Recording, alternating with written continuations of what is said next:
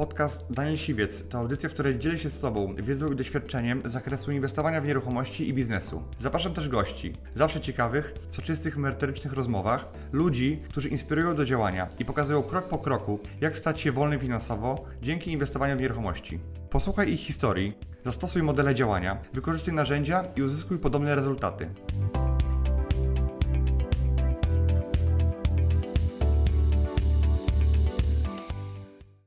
Co robić, jeżeli posiadasz nieruchomość? Jakie są prognozy?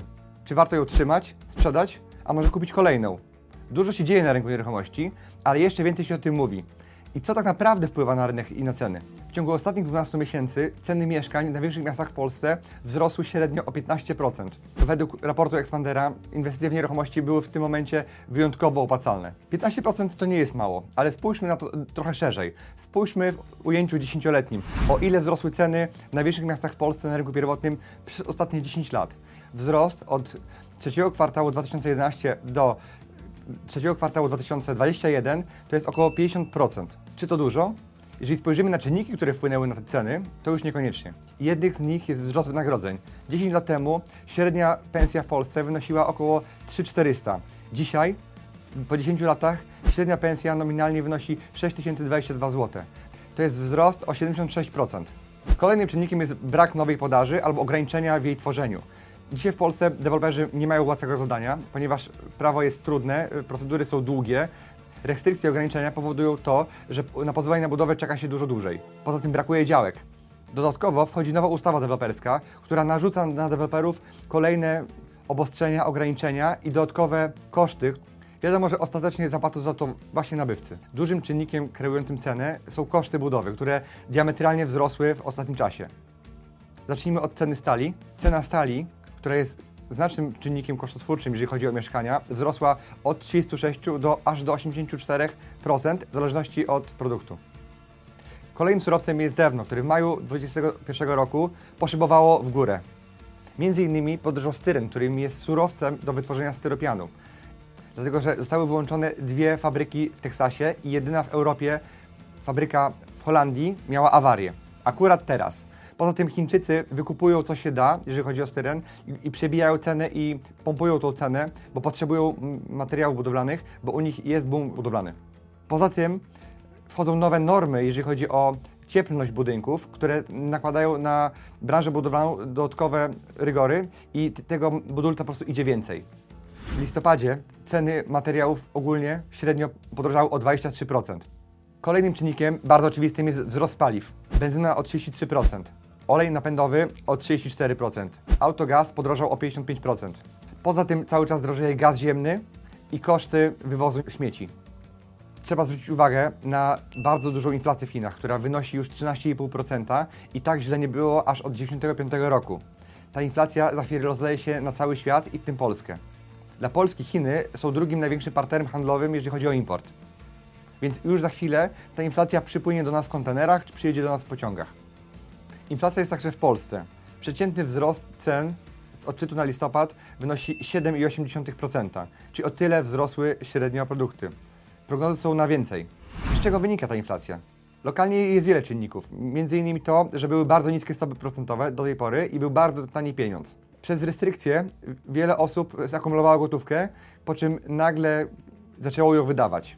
Powodem jest też skumulowany popyt, ponieważ ludzie znaczną część poprzednich miesięcy siedzieli w domach i oszczędzali pieniądze, nie mieli jak i gdzie ich wydawać. I kiedy już ruszyli do zakupów, to wielu rzeczy zaczęło brakować i termin realizacji zamówień się wydłużył.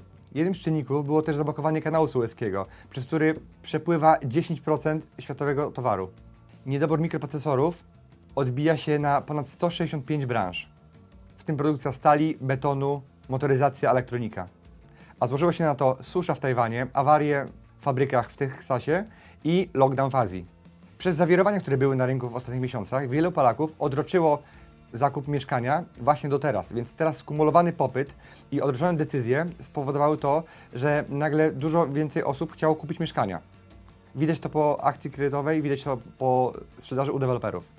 W tym roku mieliśmy już dwie podwyżki stóp procentowych i wynoszą one w tym momencie 1,75%. Banki odnotowały, że po tych podwyżkach ludzie zaczęli się zastanawiać yy, i wahać się pod kątem brania kolejnych kredytów. Widać, że Polacy ograniczyli akcję kredytową i zastanawiają się teraz, czy warto brać kredyt, czy to jest dobry moment, czy mamy bańkę na rynku nieruchomości, czy te stopy pójdą dalej w górę. I jak patrzymy teraz na te podwyżki, to mówimy, o Jezu, jak, yy, będzie drożej. Każdy patrzy, ile jego rata wzrośnie. Ale mało kto patrzy na 5-6 lat wstecz, kiedy mieliśmy dwa razy wyższe stopy procentowe i nikogo to nie dziwiło. Ludzie brali kredyty, spłacali te kredyty, a to, że przez y, jakiś bonusowy czas mieliśmy bardzo niskie stopy, to można było tylko z tego korzystać. Ja uważam, że stopy procentowe na poziomie 2, 3, nawet 4% w pewnym sensie ustabilizują rynek i będą mieli dostęp do kredytu tylko ci, których y, na nich realnie stać. Poza tym y, też będzie inna alternatywa niż rynek nieruchomości, jak różnego rodzaju obligacje czy lokaty. Jeżeli policzymy to dokładnie, to zobaczymy, że dwukrotne jeszcze zwiększenie stóp procentowych spowoduje podwyżki raty kredytu o kilkanaście procent. Czy przeciętna rodzina to wytrzyma? Moim zdaniem tak. Nie będzie tutaj fali bankructw, yy, o których się mówi. Polska w tym momencie notuje bardzo duży wzrost gospodarczy, na powyżej 10%. Bezrobocie jest na minimalnym poziomie 3,6%. Póki co w naszej gospodarce jest sporo pieniędzy. Dodatkowo wzrosty wynagrodzeń, o których mówiłem, to one generują tak duży popyt na rynku nieruchomości, ponieważ ludzie kupują mieszkania na, głównie na własne potrzeby mieszkaniowe i wydawałoby się, że jest sporo inwestorów, którzy kupują mieszkania po to, żeby ulokować kapitał. Tak, jest ich sporo, bo dzisiaj oprocentowanie lokat jest praktycznie zerowe. Natomiast jak spojrzymy sobie na badania i dane, dane z NBP, to zobaczymy, że większość osób kupuje w celu właśnie zabezpieczenia własnych potrzeb mieszkaniowych, e, bądź no, w celu polepszenia swo swojego bytu. Więc to jest zdecydowanie większość. Pod względem nowo rozpoczętych budów jesteśmy trzecim krajem w Europie. Mimo tak dużego popytu nie jesteśmy w stanie go zaspokoić, ponieważ brakuje nam rąk do pracy, ponieważ procedowanie pozwoleń na budowę jest długotrwałe i trudne, i mała jest szansa, że popyt, który jest na mieszkania i tak zwana luka mieszkaniowa, czyli ile jeszcze potrzeba mieszkań, żeby zaspokoić tą lukę, e, jest szansa, że zrobimy to w ciągu dwóch, trzech lat, jest bardzo mała. Szacuje się, że luka na rynku jest między 600 tysięcy a 2 miliony mieszkań. A te mieszkania, które mamy, bardzo często wymagają remontu i są zbyt małe, ponieważ w Polsce mamy jedne z najmniejszych mieszkań na jednego mieszkańca i najmniej istn na jednego mieszkańca. Polsce mamy 393 mieszkania na 1000 mieszkańców, gdzie w krajach Europy Zachodniej mają ich o 50% więcej. I tam dalej rynek się trzyma. Mimo tego, że mieszkania drożeją, dalej są jeszcze względnie przystępne. Jak popatrzymy sobie na inne kraje europejskie, to jesteśmy gdzieś w połowie stawki, jeżeli chodzi o ilość wydanych pensji na własne mieszkanie.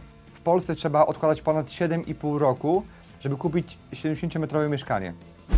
To było teraz. A co będzie jutro? Trzeba zwrócić uwagę, że wchodzi nowy ład, który e, ewidentnie wpłynie na rynek nieruchomości. Przede wszystkim wyższa płaca minimalna, wyższe koszty pracodawcy przez zwiększenie składki ZUS-owskiej i e, zmiany jego rozliczania. Małe firmy i średnie firmy będą płaciły znacznie wyższe podatki, a to one generalnie budują te mieszkania. Brak możliwości wrzucenia sobie w koszty amortyzacji mieszkania. To będzie zwiększało y, koszty właścicieli mieszkań, co przełoży się na zwiększenie czynszów. Poza tym w ramach Nowego Ładu wejdzie nowy program mieszkaniowy, który będzie gwarantował za kredytobiorców 10% kosztów zakupu mieszkania. Czyli osoby, które tej zdolności nie miały, będą miały gwarancję Skarbu Państwa na to, że będą mogły spłacać wyższy kredyt. Więc to ewidentnie wpłynie na rynek mieszkań. Czy to oznacza, że bańka w końcu pęknie? Otóż nie. Wszystko wskazuje na to, że bańki w Polsce nie ma. Raz na kwartał globalny bank UBS publikuje raport ryzyka bańki na rynku nieruchomości. I w tym raporcie objęta jest też Warszawa. Ten raport jasno pokazuje, że Polska, czy może Warszawa, jest na jednym z ostatnich miejsc na liście, jeżeli chodzi o ryzyko występowania bańki na rynku nieruchomości. I co oni biorą pod uwagę? Oni biorą pod uwagę nie tylko nominalne ceny mieszkań, ale też i inflację, wzrost gospodarczy, rynek pracy, wiele czynników, które wpływają na ryzyko bańki przeliczyli ostatnie 60 lat i tam mm, kraje, w których występowały bańki, mają, e, jakby te bańki się powtarzają i te wskaźniki działają w podobny sposób. Dlatego e, jeden z globalnych banków twierdzi, że w Polsce tej banki nie ma. I moim zdaniem e, ryzyko w tym momencie jest bardzo małe przy tak wielu czynnikach, które wpływają na wzrosty cen. I moim zdaniem te ceny dalej będą rosły, może nie już tak agresywnie jak poprzednio, nie ma co się spodziewać, że ceny w najbliższym czasie spadną. Ja jestem przekonany co do tego, że ceny spadać nie będą w najbliższym czasie. W tym roku kupiłem już 65 mieszkań, z czego w samym tym tygodniu kupiłem 17 lokali. A co ty sądzisz o cenach mieszkań? Zgadzasz się ze mną, czy myślisz totalnie odwrotnie? Daj mi znać w komentarzu. Dziękuję Ci, że wysłuchałeś do końca. Jeśli ten podcast był dla Ciebie interesujący, zapraszam do słuchania kolejnych odcinków. A jeśli chcesz jako pierwszy otrzymywać powiadomienia o nowych odcinkach, subskrybuj mój podcast.